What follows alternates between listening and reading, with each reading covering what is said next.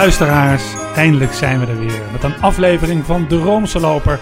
Ik ben nog altijd Stijn Vens. En ik ben Christian van der Heijden en ik zit tegenover Stijn, echt fysiek ook, aan een tafel Ja, op de redactie van Trouw. ik kan je bijna voelen. Dat is lang geleden. Het is heel lang geleden, het is gewoon eh, vier maanden geleden of zo. Ja, sinds de uitbraak van het virus hebben wij elkaar niet meer gezien. Nee. Je bent een beetje, ja, toch wel een beetje veranderd. Ja, in Ja. welke zin? Ja, ik vind dat je wat ernstiger uit je ogen kijkt. Nou ja, het is ook een ernstige tijd die Ja. we achter de rug hebben en waar wij eigenlijk nog steeds in leven. Ja. Maar goed, genoeg over onszelf. Maar we hebben zojuist wel iets heel moois gehoord. Eigenlijk een nieuwe tune. Ja, En deze is geschreven door niemand minder dan Ennio Morricone. Het is de tune van de film Il Vizietto, beter bekend onder de Franse titel La Cage aux Folles uit 1978. Ennio Morricone is dus onlangs op 91-jarige leeftijd overleden. En waarom gaan we het nu over hem hebben? Omdat hij namelijk niet alleen een mede-katholiek was, maar ook een groot kunstenaar. Die ter meerdere ere en glorie van onze lieve Heer toch prachtige dingen heeft gemaakt. Kunnen we toch wel zeggen, ja. Stijn? En misschien moeten we daar nog even een klein stukje van laten horen. Dat eh, een beetje, eh, Waarvan? nou ja, van wat hij, van de muziek waarmee hij echt beroemd is. Ja, maar dat is een mer à boire. Ja, dan. Wat, wat wil je? Heb je een... Nou weet je, eigenlijk zou ik niets willen laten horen uit een van zijn westerns. Want hij was er zo klaar mee dat hij altijd maar weer filmcomponist werd genoemd. En altijd werd geassocieerd met spaghetti westerns. Terwijl hij veel mooiere dingen heeft gemaakt. Mag ik een ander voorstel doen? Altijd. Dat is namelijk dit.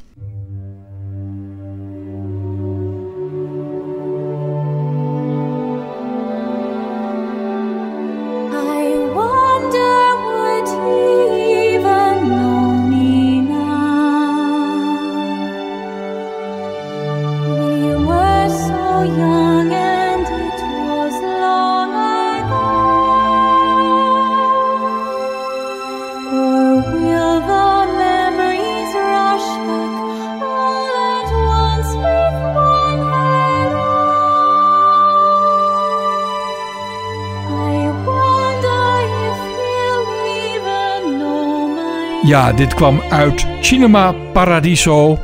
Hij is niet meer onder ons. Ennio Morricone, deze grote Romein, dat was hij. Hij is ook gestorven in Rome in een ziekenhuis. En bij zijn afsterven is er iets geks gebeurd, toch? Hij heeft zijn eigen overlijdensbericht geschreven. Ja. Dat als volgt begint. Ik, Ennio Morricone, ben dood. Io, Ennio Morricone, sono morto. Kijk, Ik vind het mooi, omdat ik ooit met Harry Mulisch heb gesproken. doe maar, hij wel. En toen zei hij, ik zal nooit de zin uitspreken, ik ben dood. Nee, precies. Ja, ja. Dat is een zin die je niet kunt uitspreken. Nee. Maar behalve dit is het een schitterende doodsverklaring van Ennio Morricone. Hij bedankt allerlei mensen. Eh, het is een hele lange lijst. Het, eh, het ontroert mij. Maar het mooiste is, hij eindigt met een laatste groet aan zijn vrouw. Oh, Met wie hij heel lang samen is geweest. ja. En dan zegt hij, aan haar het meest smartelijke vaarwel. Prachtig. Ja, wij mogen hem wel rekenen tot het katholieke volksdeel van Europa. Ja, Ennio Morricone die zat op dat beroemde conservatorium, een van de oudste eh, muzikale instituten ter wereld. De Accademia Nazionale di Santa Cecilia, waar vele beroemdheden hebben gestudeerd. Eh, zelfs Rachmaninoff heeft er nog rondgewandeld.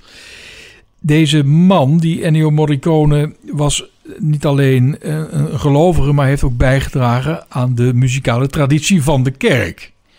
En een van de laatste werken die hij schreef, in opdracht van de Jezuïeten overigens, was de Paus Franciscus mis. De Missa Pape Francisci, zo moet ik het zeggen.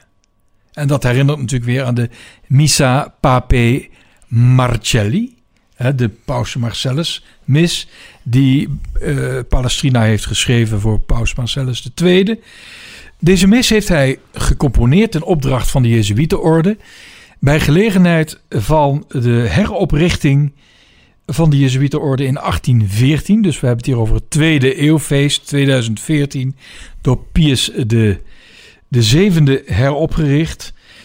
Hoezo heropgericht? Wel nu, in 1773 had paus Clemens XIV de orde opgeheven. Waarom had hij dat gedaan? Eigenlijk ehm, bezweek deze paus onder de druk van allerlei wereldlijke machten. De koning van Spanje, de koning van Portugal, de Jezuïeten werden te machtig. En vooral in de koloniën in Zuid-Amerika zaten ze de koloniale machten dwars. En dan hebben we het over Paraguay. Hè? De, de Guarani-Indianen werden door de Jezuïeten ondergebracht in zogeheten reducties, dus missieposten. Dat waren complete dorpen, eigenlijk complete republieken zelfs. De Jezuïeten wilden de Guarani-Indianen, of de Guarani moet ik zeggen, Indianen, beschermen tegen de slavenhandel. Maar ook tegen de losse zeden van de kolonisatoren. Eh, Paraguay, de hoofdstad daarvan is Asunción. Dat was in die tijd echt een centrum van, van prostitutie, van slavenhandel. Echt een, een, een duivelse stad. En de Jezuïeten die wilden eigenlijk als het ware spirituele enclaves eh, oprichten. Waar ook die Guarani-Indianen werden onderwezen in het christendom en in de wetenschappen. Maar dat werden machtscentra op zich. En daar verzetten de koloniale machten zich tegen. Wel nu, waarom vertel ik dit allemaal? Omdat in die mis van Ennio Morricone, in de finale, daar citeert Ennio Morricone als het ware zichzelf in de score van de beroemde film uit 1986, The Mission. Prachtige film. Prachtig, pra- prachtig film met Jeremy Irons. Jeremy Irons als eh, Father Gabriel, Robert De Niro als een slavenhandelaar hè, die zich dan bekeert tot eh, onze lieve Heer en zelfs Jezuïet wordt. En dan uiteindelijk ook strijdt tegen de kolonisatoren. Want wat was er namelijk gebeurd in eh, Spanje? Het verdrag van Madrid, daar had de paus bepaald wat een zogeheten demarcatielijn moest worden tussen, tussen eh, de koloniën van Portugal en Spanje. En wie zaten daar in de weg? Nou, de Jezuïeten. Dus de Guarani-Indianen namen dus onder leiding van de Jezuïeten de wapenen op. Kijk, en al die eeuwen is er eigenlijk niks veranderd. In de 17e eeuw al werd er gestreden eh, door die Guarani-Indianen en de Jezuïeten tegen dat enorme onrecht. En in de 20e eeuw is dat eigenlijk niet echt veranderd. Vandaar ook dat de bevrijdingstheologie als het ware werd uitgevonden. Dus je zou kunnen zeggen dat de mission een ode is aan de bevrijdingstheologie. En dat juist Ennio Morricone uit zijn eigen soundtrack van de mission daaruit citeert. En dat ook nog eens een keer hè, die mis Paus Franciscus misnoemt, zou je kunnen zeggen. Hij ziet Paus Franciscus, de eerste Zuid-Amerikaan, de eerste Jezuïet, eigenlijk ook als een ja, voorvechter van, het socia van de strijd tegen het sociale onrecht. Eigenlijk ook bevrijdingstheoloog. En voor Paus Franciscus was die hele eh, schorsing van de Jezuïeten ook traumatisch. Dat weet ik, want toen hij zich voor het eerst mengde onder journalisten, een paar dagen na zijn keuze, eh, hij kreeg een had hij een toespraak in zijn handen, die legde hij tegelijk terzijde. En hij ging een beetje eh abbraccio, dus, Ja. dus een beetje improviseren. En hij zei, ja, mensen vragen zich af waarom ik mezelf Franciscus heb genoemd. Hij legde dat uit, dat had hij al in zijn hoofd. En er zat een Braziliaanse kardinaal naast hem die zegt, denkt u wel aan de armen? En toen, zei, toen wist ik zeker dat ik mezelf Franciscus zou noemen. Maar hij zei ook, ja, ik heb er ook nog over gedacht mezelf Arianus te noemen. Nou, de, de, de, de paus van Utrecht. Hè, want ik, eh, Adrianus dan, Adrianus. Misschien wilde hij dan wel toch een hervormingspaus worden. Maar zegt hij, ik heb er ook over gedacht om mijzelf Clemens de vijftiende te noemen. Als een soort wraak tegen die Clemens de veertiende die de Jezuïeten, en deze paus is Jezuïet, in de ban heeft gedaan. En de ironie is dat diezelfde Clemens XIV Franciscaan was. Ja, minder broeder conventueel, maar in ieder geval behoorde tot de Franciscaanse familie. Ja, eh, laten wij een stuk gaan luisteren uit die finale. Ik moet even uitleggen, deze eh, Missa Pape Francisci bestaat uit de volgende delen. We hebben een, een inleiding. De inleiding is heel merkwaardig, want dan zijn allerlei koorzangers die zijn door elkaar aan het praten. Het geroezemoes wordt als het ware door Morricone georchestreerd. Vervolgens komt het Kyrie, dan het Gloria, dan het Alleluia. En dan het eh, Sanctus, het Agnus Dei en dan een finale. Laten we daar nu even naar gaan luisteren.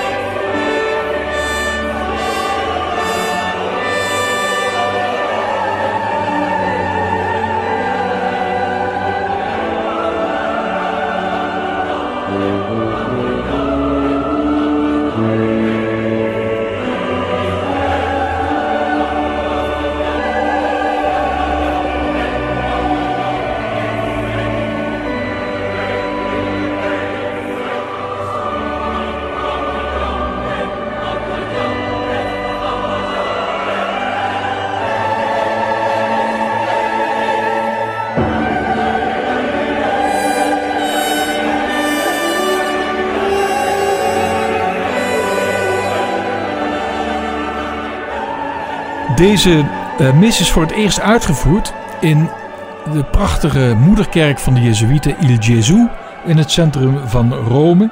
Dat gebeurde op 10 juni 2015 in aanwezigheid van de socialist Giorgio Napolitano. En die was in eh, januari van 2015 afgetreden als president van de Republiek Italië. En ook in aanwezigheid van de toenmalige Jezuïetengeneraal Adolfo Nicolas. Die niet meer onder ons Die is. niet meer onder ons is. Ja, wat kunnen we nog meer zeggen over Morricone? Het, weet je wie heel groot fan was van Ennio Morricone? Kardinaal Gianfranco Ravasi. Deze man is een. wil zichzelf geregeld etaleren als een groot cultuurminnaar. Daar is niets mis mee. Maar ook als een groot cultuurkenner. En hij zegt dat hij eigenlijk met alle kunstdragers van Europa en ja, de hele wereld eh, bevriend is. Hij is namelijk eh, president van de Pauselijke Raad voor de Cultuur. En hij heeft een verklaring uitgebracht eh, waarin hij Morricone roemt als degene die, ja, die eigenlijk verbeelde wat, wat niet te verbeelden valt. Namelijk de onzichtbaarheid van het goddelijke. Hij zegt ook dat de, de muziek van Ennio Morricone in zijn films, naast al die, die acteurs die daar eh, te zien zijn, ook protagonist was. Dus de muziek van die films is eigenlijk ook hoofdrolspeler. Dan kan je zeggen dat deze Ravasi zichzelf graag als kunstkenner etaleert. Maar ik ben toch blij dat er dan op het moment dat zo'n grootheid als Morricone overlijdt, een kardinaal is die de dingen even in een groter verband zet. Ja, dat, dat is inderdaad mooi. Dat, eh, dat kunnen we inderdaad eh, wel aan deze man overlaten. Ja, ik wil toch nog even iets zeggen, Stijn. Ze hebben het altijd over The Mission in 1986. Dat die geregisseerd is door Roland Joffé. Nou, hulde voor hem. Hij heeft namelijk daar ook een gouden palm mee gewonnen. Een gouden palm van Cannes. Maar ook genoemd moet worden Robert Bolt. Een toneelschrijver die heeft ook het verhaal bedacht van The Mission. En hij is dezelfde die het filmscenario heeft geschreven. En trouwens ook het toneelstuk A Man for All Seasons. En dat gaat over de heilige Thomas More.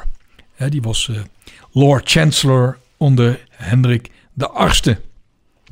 En Thomas More, ja, daar kunnen wij heel veel over zeggen. Wij zijn namelijk bevriend met de stichting Thomas More, die wij wel eens de Roger Moore Academie noemen. Wij gaan geregeld met deze stichting, voorheen de Radboud Stichting, een stichting die briljante studenten ondersteunt in hun levensbeschouwelijke vorming, hun wijsgerige educatie. En die studenten worden geregeld dan meegenomen naar Rome. En daar nemen we ze dan mee naar al onze favoriete restaurants. En een van die restaurants, daar zijn het Bengalen die daar in de bediening staan. En die brengen de, het ene antipasto gerecht naar het andere. En, en, en het, is, het is een overvloed aan lekkernijen dat daar wordt voorgeschoteld. Sindsdien heeft Thomas More bij die studenten de bijnaam Thomas More, More, More.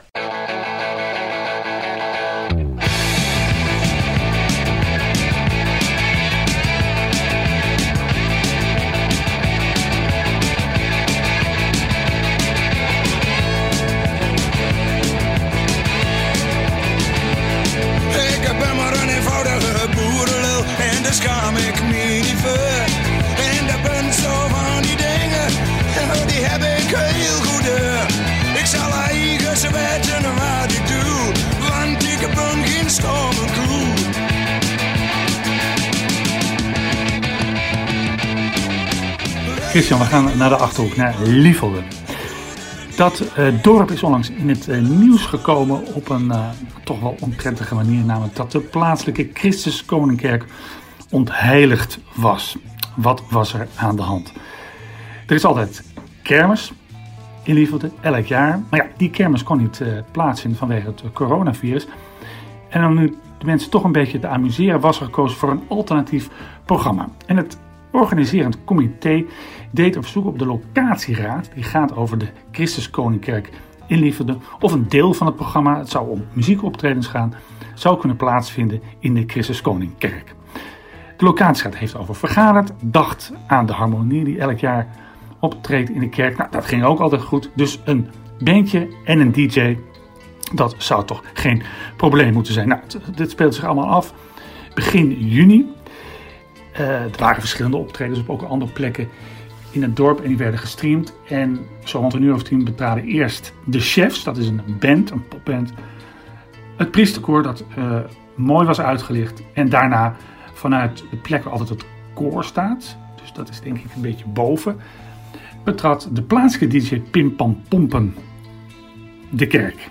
En begon heel toepasselijk met het feestjesnummer God is a DJ. Nou, eh, dat werd allemaal dus gestreamd. De inwoners van Dievelde konden het allemaal live meemaken vanuit hun woonkamer. Eigenlijk was iedereen wel tevreden, ook de leden van de locatieraad. Iedereen blij, iedereen tevreden, lekker slapen. Maar de volgende dag werd de locatieraad gebeld door de pastoor, Herman de Jong. En eh, die is pastoor van de Paulusparochie, Sint Paulusparochie. Aantal geloofsgemeenschappen. Die had het ook gezien en die was helemaal niet blij met het optreden van de band en de DJ's. Sterker nog, het was zelfs zo erg dat de kerk ontheiligd bleek. Tenminste, de pastoor had het geconstateerd. Wat was nou het probleem? Eigenlijk was het het hele plaatje. De band, de teksten, de manier waarop de kerk was uitgelicht. En ehm, als eh, meest misschien wel ergerniswekkende feit, feit dat er op het keyboard van de pianist een flesje bier stond. Is dus bier gedronken op het priesterkoor. De pastoor heeft geconstateerd dat in zijn ogen de kerk ontheiligd was. Heeft nog contact gehad met kardinaal Eijk. Die bevestigde hem in de constatering. En de kerk was dus ontheiligd. De pastoor kondigde ook aan dat hij het Allerheiligste Christus in de gedaante van brood uit de tabernakel zou halen. De kerk ging op slot. Geen vieringen meer. Nou, dat gaf dus een hele toestand. Ehm het leidde er zelfs toe dat uiteindelijk die locatieraad is afgetreden. Je moet je voorstellen, zo'n parochie, dat zijn een heleboel geloofsgemeenschappen. Die pastoor kan het allemaal niet in de gaten houden. En die worden, dus locatieraden, een soort beheerscommissies eh, aangesteld die ja, zo'n kerk moeten beheren. Nou, eh, de locatieraad is afgetreden. De kerk is uiteindelijk wel weer geheiligd door middel van een boeteviering. De pastoor heeft met wijwater het kerkgebouw besprenkeld. Maar ja, er was toch te groot verschil van eh, mening tussen de locatieraad en de pastoor. En daardoor zijn die leden teruggetreden. Nou, ik ben erheen geweest, een paar weken geleden. Stond daar voor die kerk, die Christus Koningkerk. Die was op slot, want die is eigenlijk altijd op slot. Sterker nog, de kerk staat op de nominatie om de eredienst onttrokken te worden. Simpelweg omdat er te weinig mensen komen. Ik heb met een paar vrijwilligers gesproken, anoniem. Die wilden niet met hun naam in de krant. Dan ze ook een zwijgplicht gekregen. Ik heb ook met de pastoor gesproken. En dan blijkt toch dat er een aantal dingen aan de hand zijn. Alle, allereerst, die vrijwilligers vinden eigenlijk dat, dat ze niks verkeerd hebben gedaan. Ze staan nog steeds achter beslissing. Het dorp staat achter hen. Ze hebben het voor het dorp gedaan. want Het was geen kermis. Nou, was, ze wilden echt zorgen dat de dorpelingen toch een feestje konden vieren. De pastoor, die begrijpt er helemaal niks van. Die is niet ingelicht. Als hij wel was ingelicht, had hij het verboden. Hij zegt, bij grote groepen gelovigen eh, ontbreekt eigenlijk het besef wat nu eigenlijk heilig is. Dat zie je niet. Dat zie je ook wel elders in het land. Aan de andere kant, wat dan ook een probleem is, is dat zo'n pastoor die heeft 16 geloofsgemeenschappen onder zijn hoede. Die kan ook niet alles controleren. Dus wat ook bij deze kwestie meespeelt, is de schaalvergroting in katholiek Nederland. Liefde ligt in het aartsbisdom Utrecht en in het verleden het ook al twee van dergelijke kwesties meegemaakt. In Saasveld, dat ligt in Twente, daar eh, moest de kerk worden vrijgemaakt voor een muziekuitvoering. Toen is het altaar min of meer ontmanteld. Gevolg, kerk ontheiligd, moest weer opnieuw geheiligd worden. En in Bunnik, bij Utrecht, daar eh, hebben tijdens de intocht van Sinterklaas Zwarte Pieten op het priesterkoor de Macarena gedanst. Ja, en dan komt al snel de vraag, eh, wie heeft er gelijk? Ja, dat is ook weer lastig. Eh, vanuit zijn standpunt begrijpt die pastoor me ook wel weer. Die, die vindt de kerk, en zeker zo'n priesterkoor, met Christus in het tabernakel echt een heilige plek. Daar kan nog net een kerstconcert of een harmonie, maar dan heb je het wel gehad. Aan de andere kant, die vrijwilligers zagen er ook verslagen uit. Verweest. Hè? De kerk is een dagelijkse zorg. Al tientallen jaren zijn ze daarmee bezig. En nu kunnen ze dat niet meer doen. En die ja, lieve mensen hebben echt het gevoel dat ze niks verkeerd hebben gedaan. Nee, die kloof tussen het priesterkoor is een heilige plek. En een kerk is eigenlijk iets als een hal waar je van alles voor het dorp kunt laten plaatsvinden. Dat zie je niet alleen in liefde, maar dat zie je in heel Nederland. En dat is een probleem dat we denk ik nog wel vaker zullen gaan zien. Ook omdat die schaalvergroting, wat ik al zei, er is. De priesters kunnen dat allemaal niet meer eh, in de gaten houden. En ja, dan komt de macht liggen bij, bij die locatieraden. En die hebben een hele andere opvatting over wat wel en niet kan in een kerk dan de pastoor.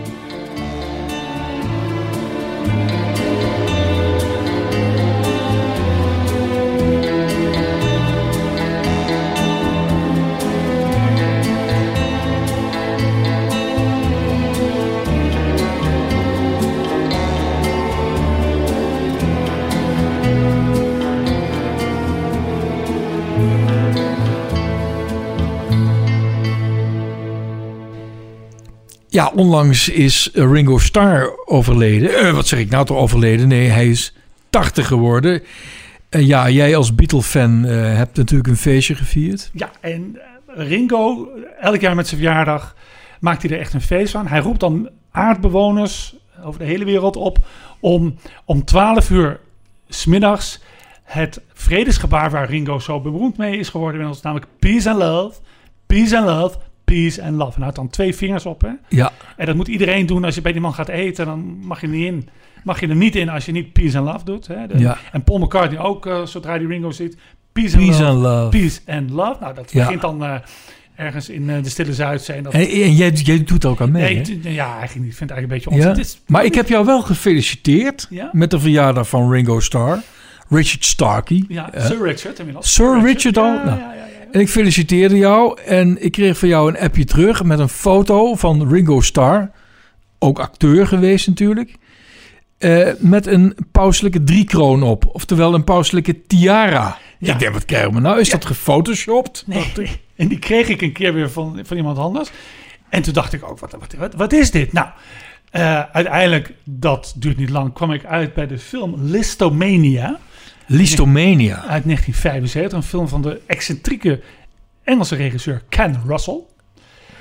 Ja, dat gaat dus Listomania, de naam zegt al. Het is een film over de componist Liszt. Liszt. Frans Liszt. Ja, Ja, ja. Frans Liszt. Niet Lisbeth Liszt, maar Frans Liszt. Liszt. En ja, dat heel verhaal. Maar uiteindelijk, op een gegeven moment gaat Van Frans Liszt met een Russische prinses naar Rome om daar door de paus in het huwelijk te worden verbonden. En die paus wordt gespeeld door Ringo Starr. Ringo Starr. Ringo Starr als paus. Ja, je weet niet wat je ziet. Ja, ik vind het wel mooi. Daar is die Frans Liszt. Dat, dat, dat was ook echt sprake van een uh, Listomania. Hè? Wij kennen Beatle, Beatlemania, maar Listomania bestond. Dat was, die werd verafgroot, die man. Overigens, wat leuk is, die Liszt die had de lagere wijdingen ontvangen. Hij had ook een tonsuur, lagere wijdingen. Dat, eh, vroeger was dat, eh, waren dat de vier wijdingen voorafgaande aan de hogere wijdingen. De hogere wijding was het subdiaconaat, het diaconaat en het presbyteraat. Maar daarom zat Liszt vaak in een zwarte soutane. En eh nou, hij had ook allerlei klerikale privileges. Maar die werd vooral verafgroot door het vrouwvolk. Hij had ook prachtig lang haar. hè. En Listomania, dus Frans Liszt wordt gespeeld door Roger Daltrey Van, In de, van The Who. van The Who. Nou ja, kijk, over het, eh, het geestelijk leven van Ringo Starr, daar kunnen we eigenlijk vrij kort over zijn. Hij is wel heel erg gegrepen door de meditatie. Transcendente meditatie. Transcendente meditatie, hè? Dus die ze hebben opgestoken bij de Maharishi, de Beatles. De Maharishi Yogi. Maharishi Yogi. Die- hij zegt, ik blijf hem eeuwig dankbaar Ja. dat hij me ooit mijn mantra heeft geschonken. En die, die, die Maharishi is ooit terechtgekomen in een Limburgs dorp, Vlodorp. Vlodorp. En daar landde met eh, tijd en wijle een privévliegtuig. En daar zat het zij Ringo Starr, het zij Paul McCartney. En die Oh ja? zijn dus tot die Maharishi daar nog blijven eh, bezoeken. Nou, Ringo werd 80 en heeft natuurlijk vanwege het coronatijdperk kon er geen groot feest worden georganiseerd. Hij heeft eigenlijk zijn eigen verjaarsfeest georganiseerd op internet.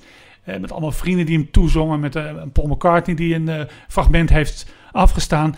En de opbrengst van dat, van die, van dat feestje, dat, dat digitale feestje, kwam te goede aan Black Lives Matter. Black Lives Matter. Hè, want eh, Ringo houdt niet op te benadrukken hoe de Beatles altijd weigerden om voor gescheiden Publieke. publieken te spelen. Hè? Dus Ja. die wilden dat als het zwarte er niet in konden, traden ze niet op. Dat stond ook in hun contract. En aan de David Lynch Foundation. David Lynch is een de filmregisseur, bekend van eh, Twin Peaks onder andere, Ja. die zich er heel erg inzet in Amerika om die transcendente meditatie Oh ja? overal een plek te geven. Dus, nou ja, een echt katholiek randje hebben we alleen met Ringo als paus. Maar ik heb nu toch geprobeerd in de afgelopen minuten om Ringo toch een beetje spiritueel op te heffen.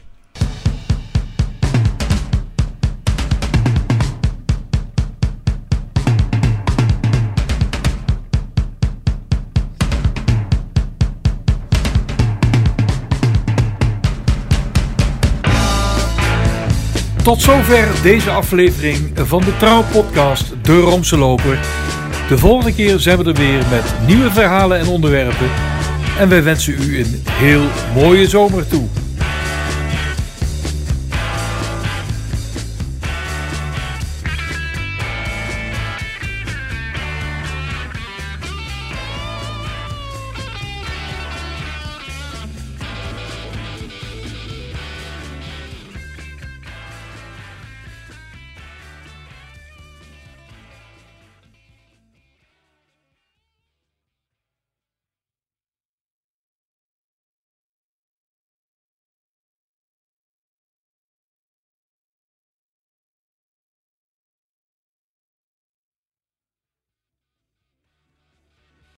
We worden dagelijks overladen met overbodige informatie. En het is moeilijk de zin van de onzin te scheiden. Daarom vertrouw ik op echte journalisten in plaats van meningen. Een krantenmens heeft het gemakkelijk. Word ook een krantenmens en lees je favoriete krant nu tot wel zes weken gratis. Ga snel naar krant.nl. Bezorging stopt automatisch en op deze actie zijn actievoorwaarden van toepassing.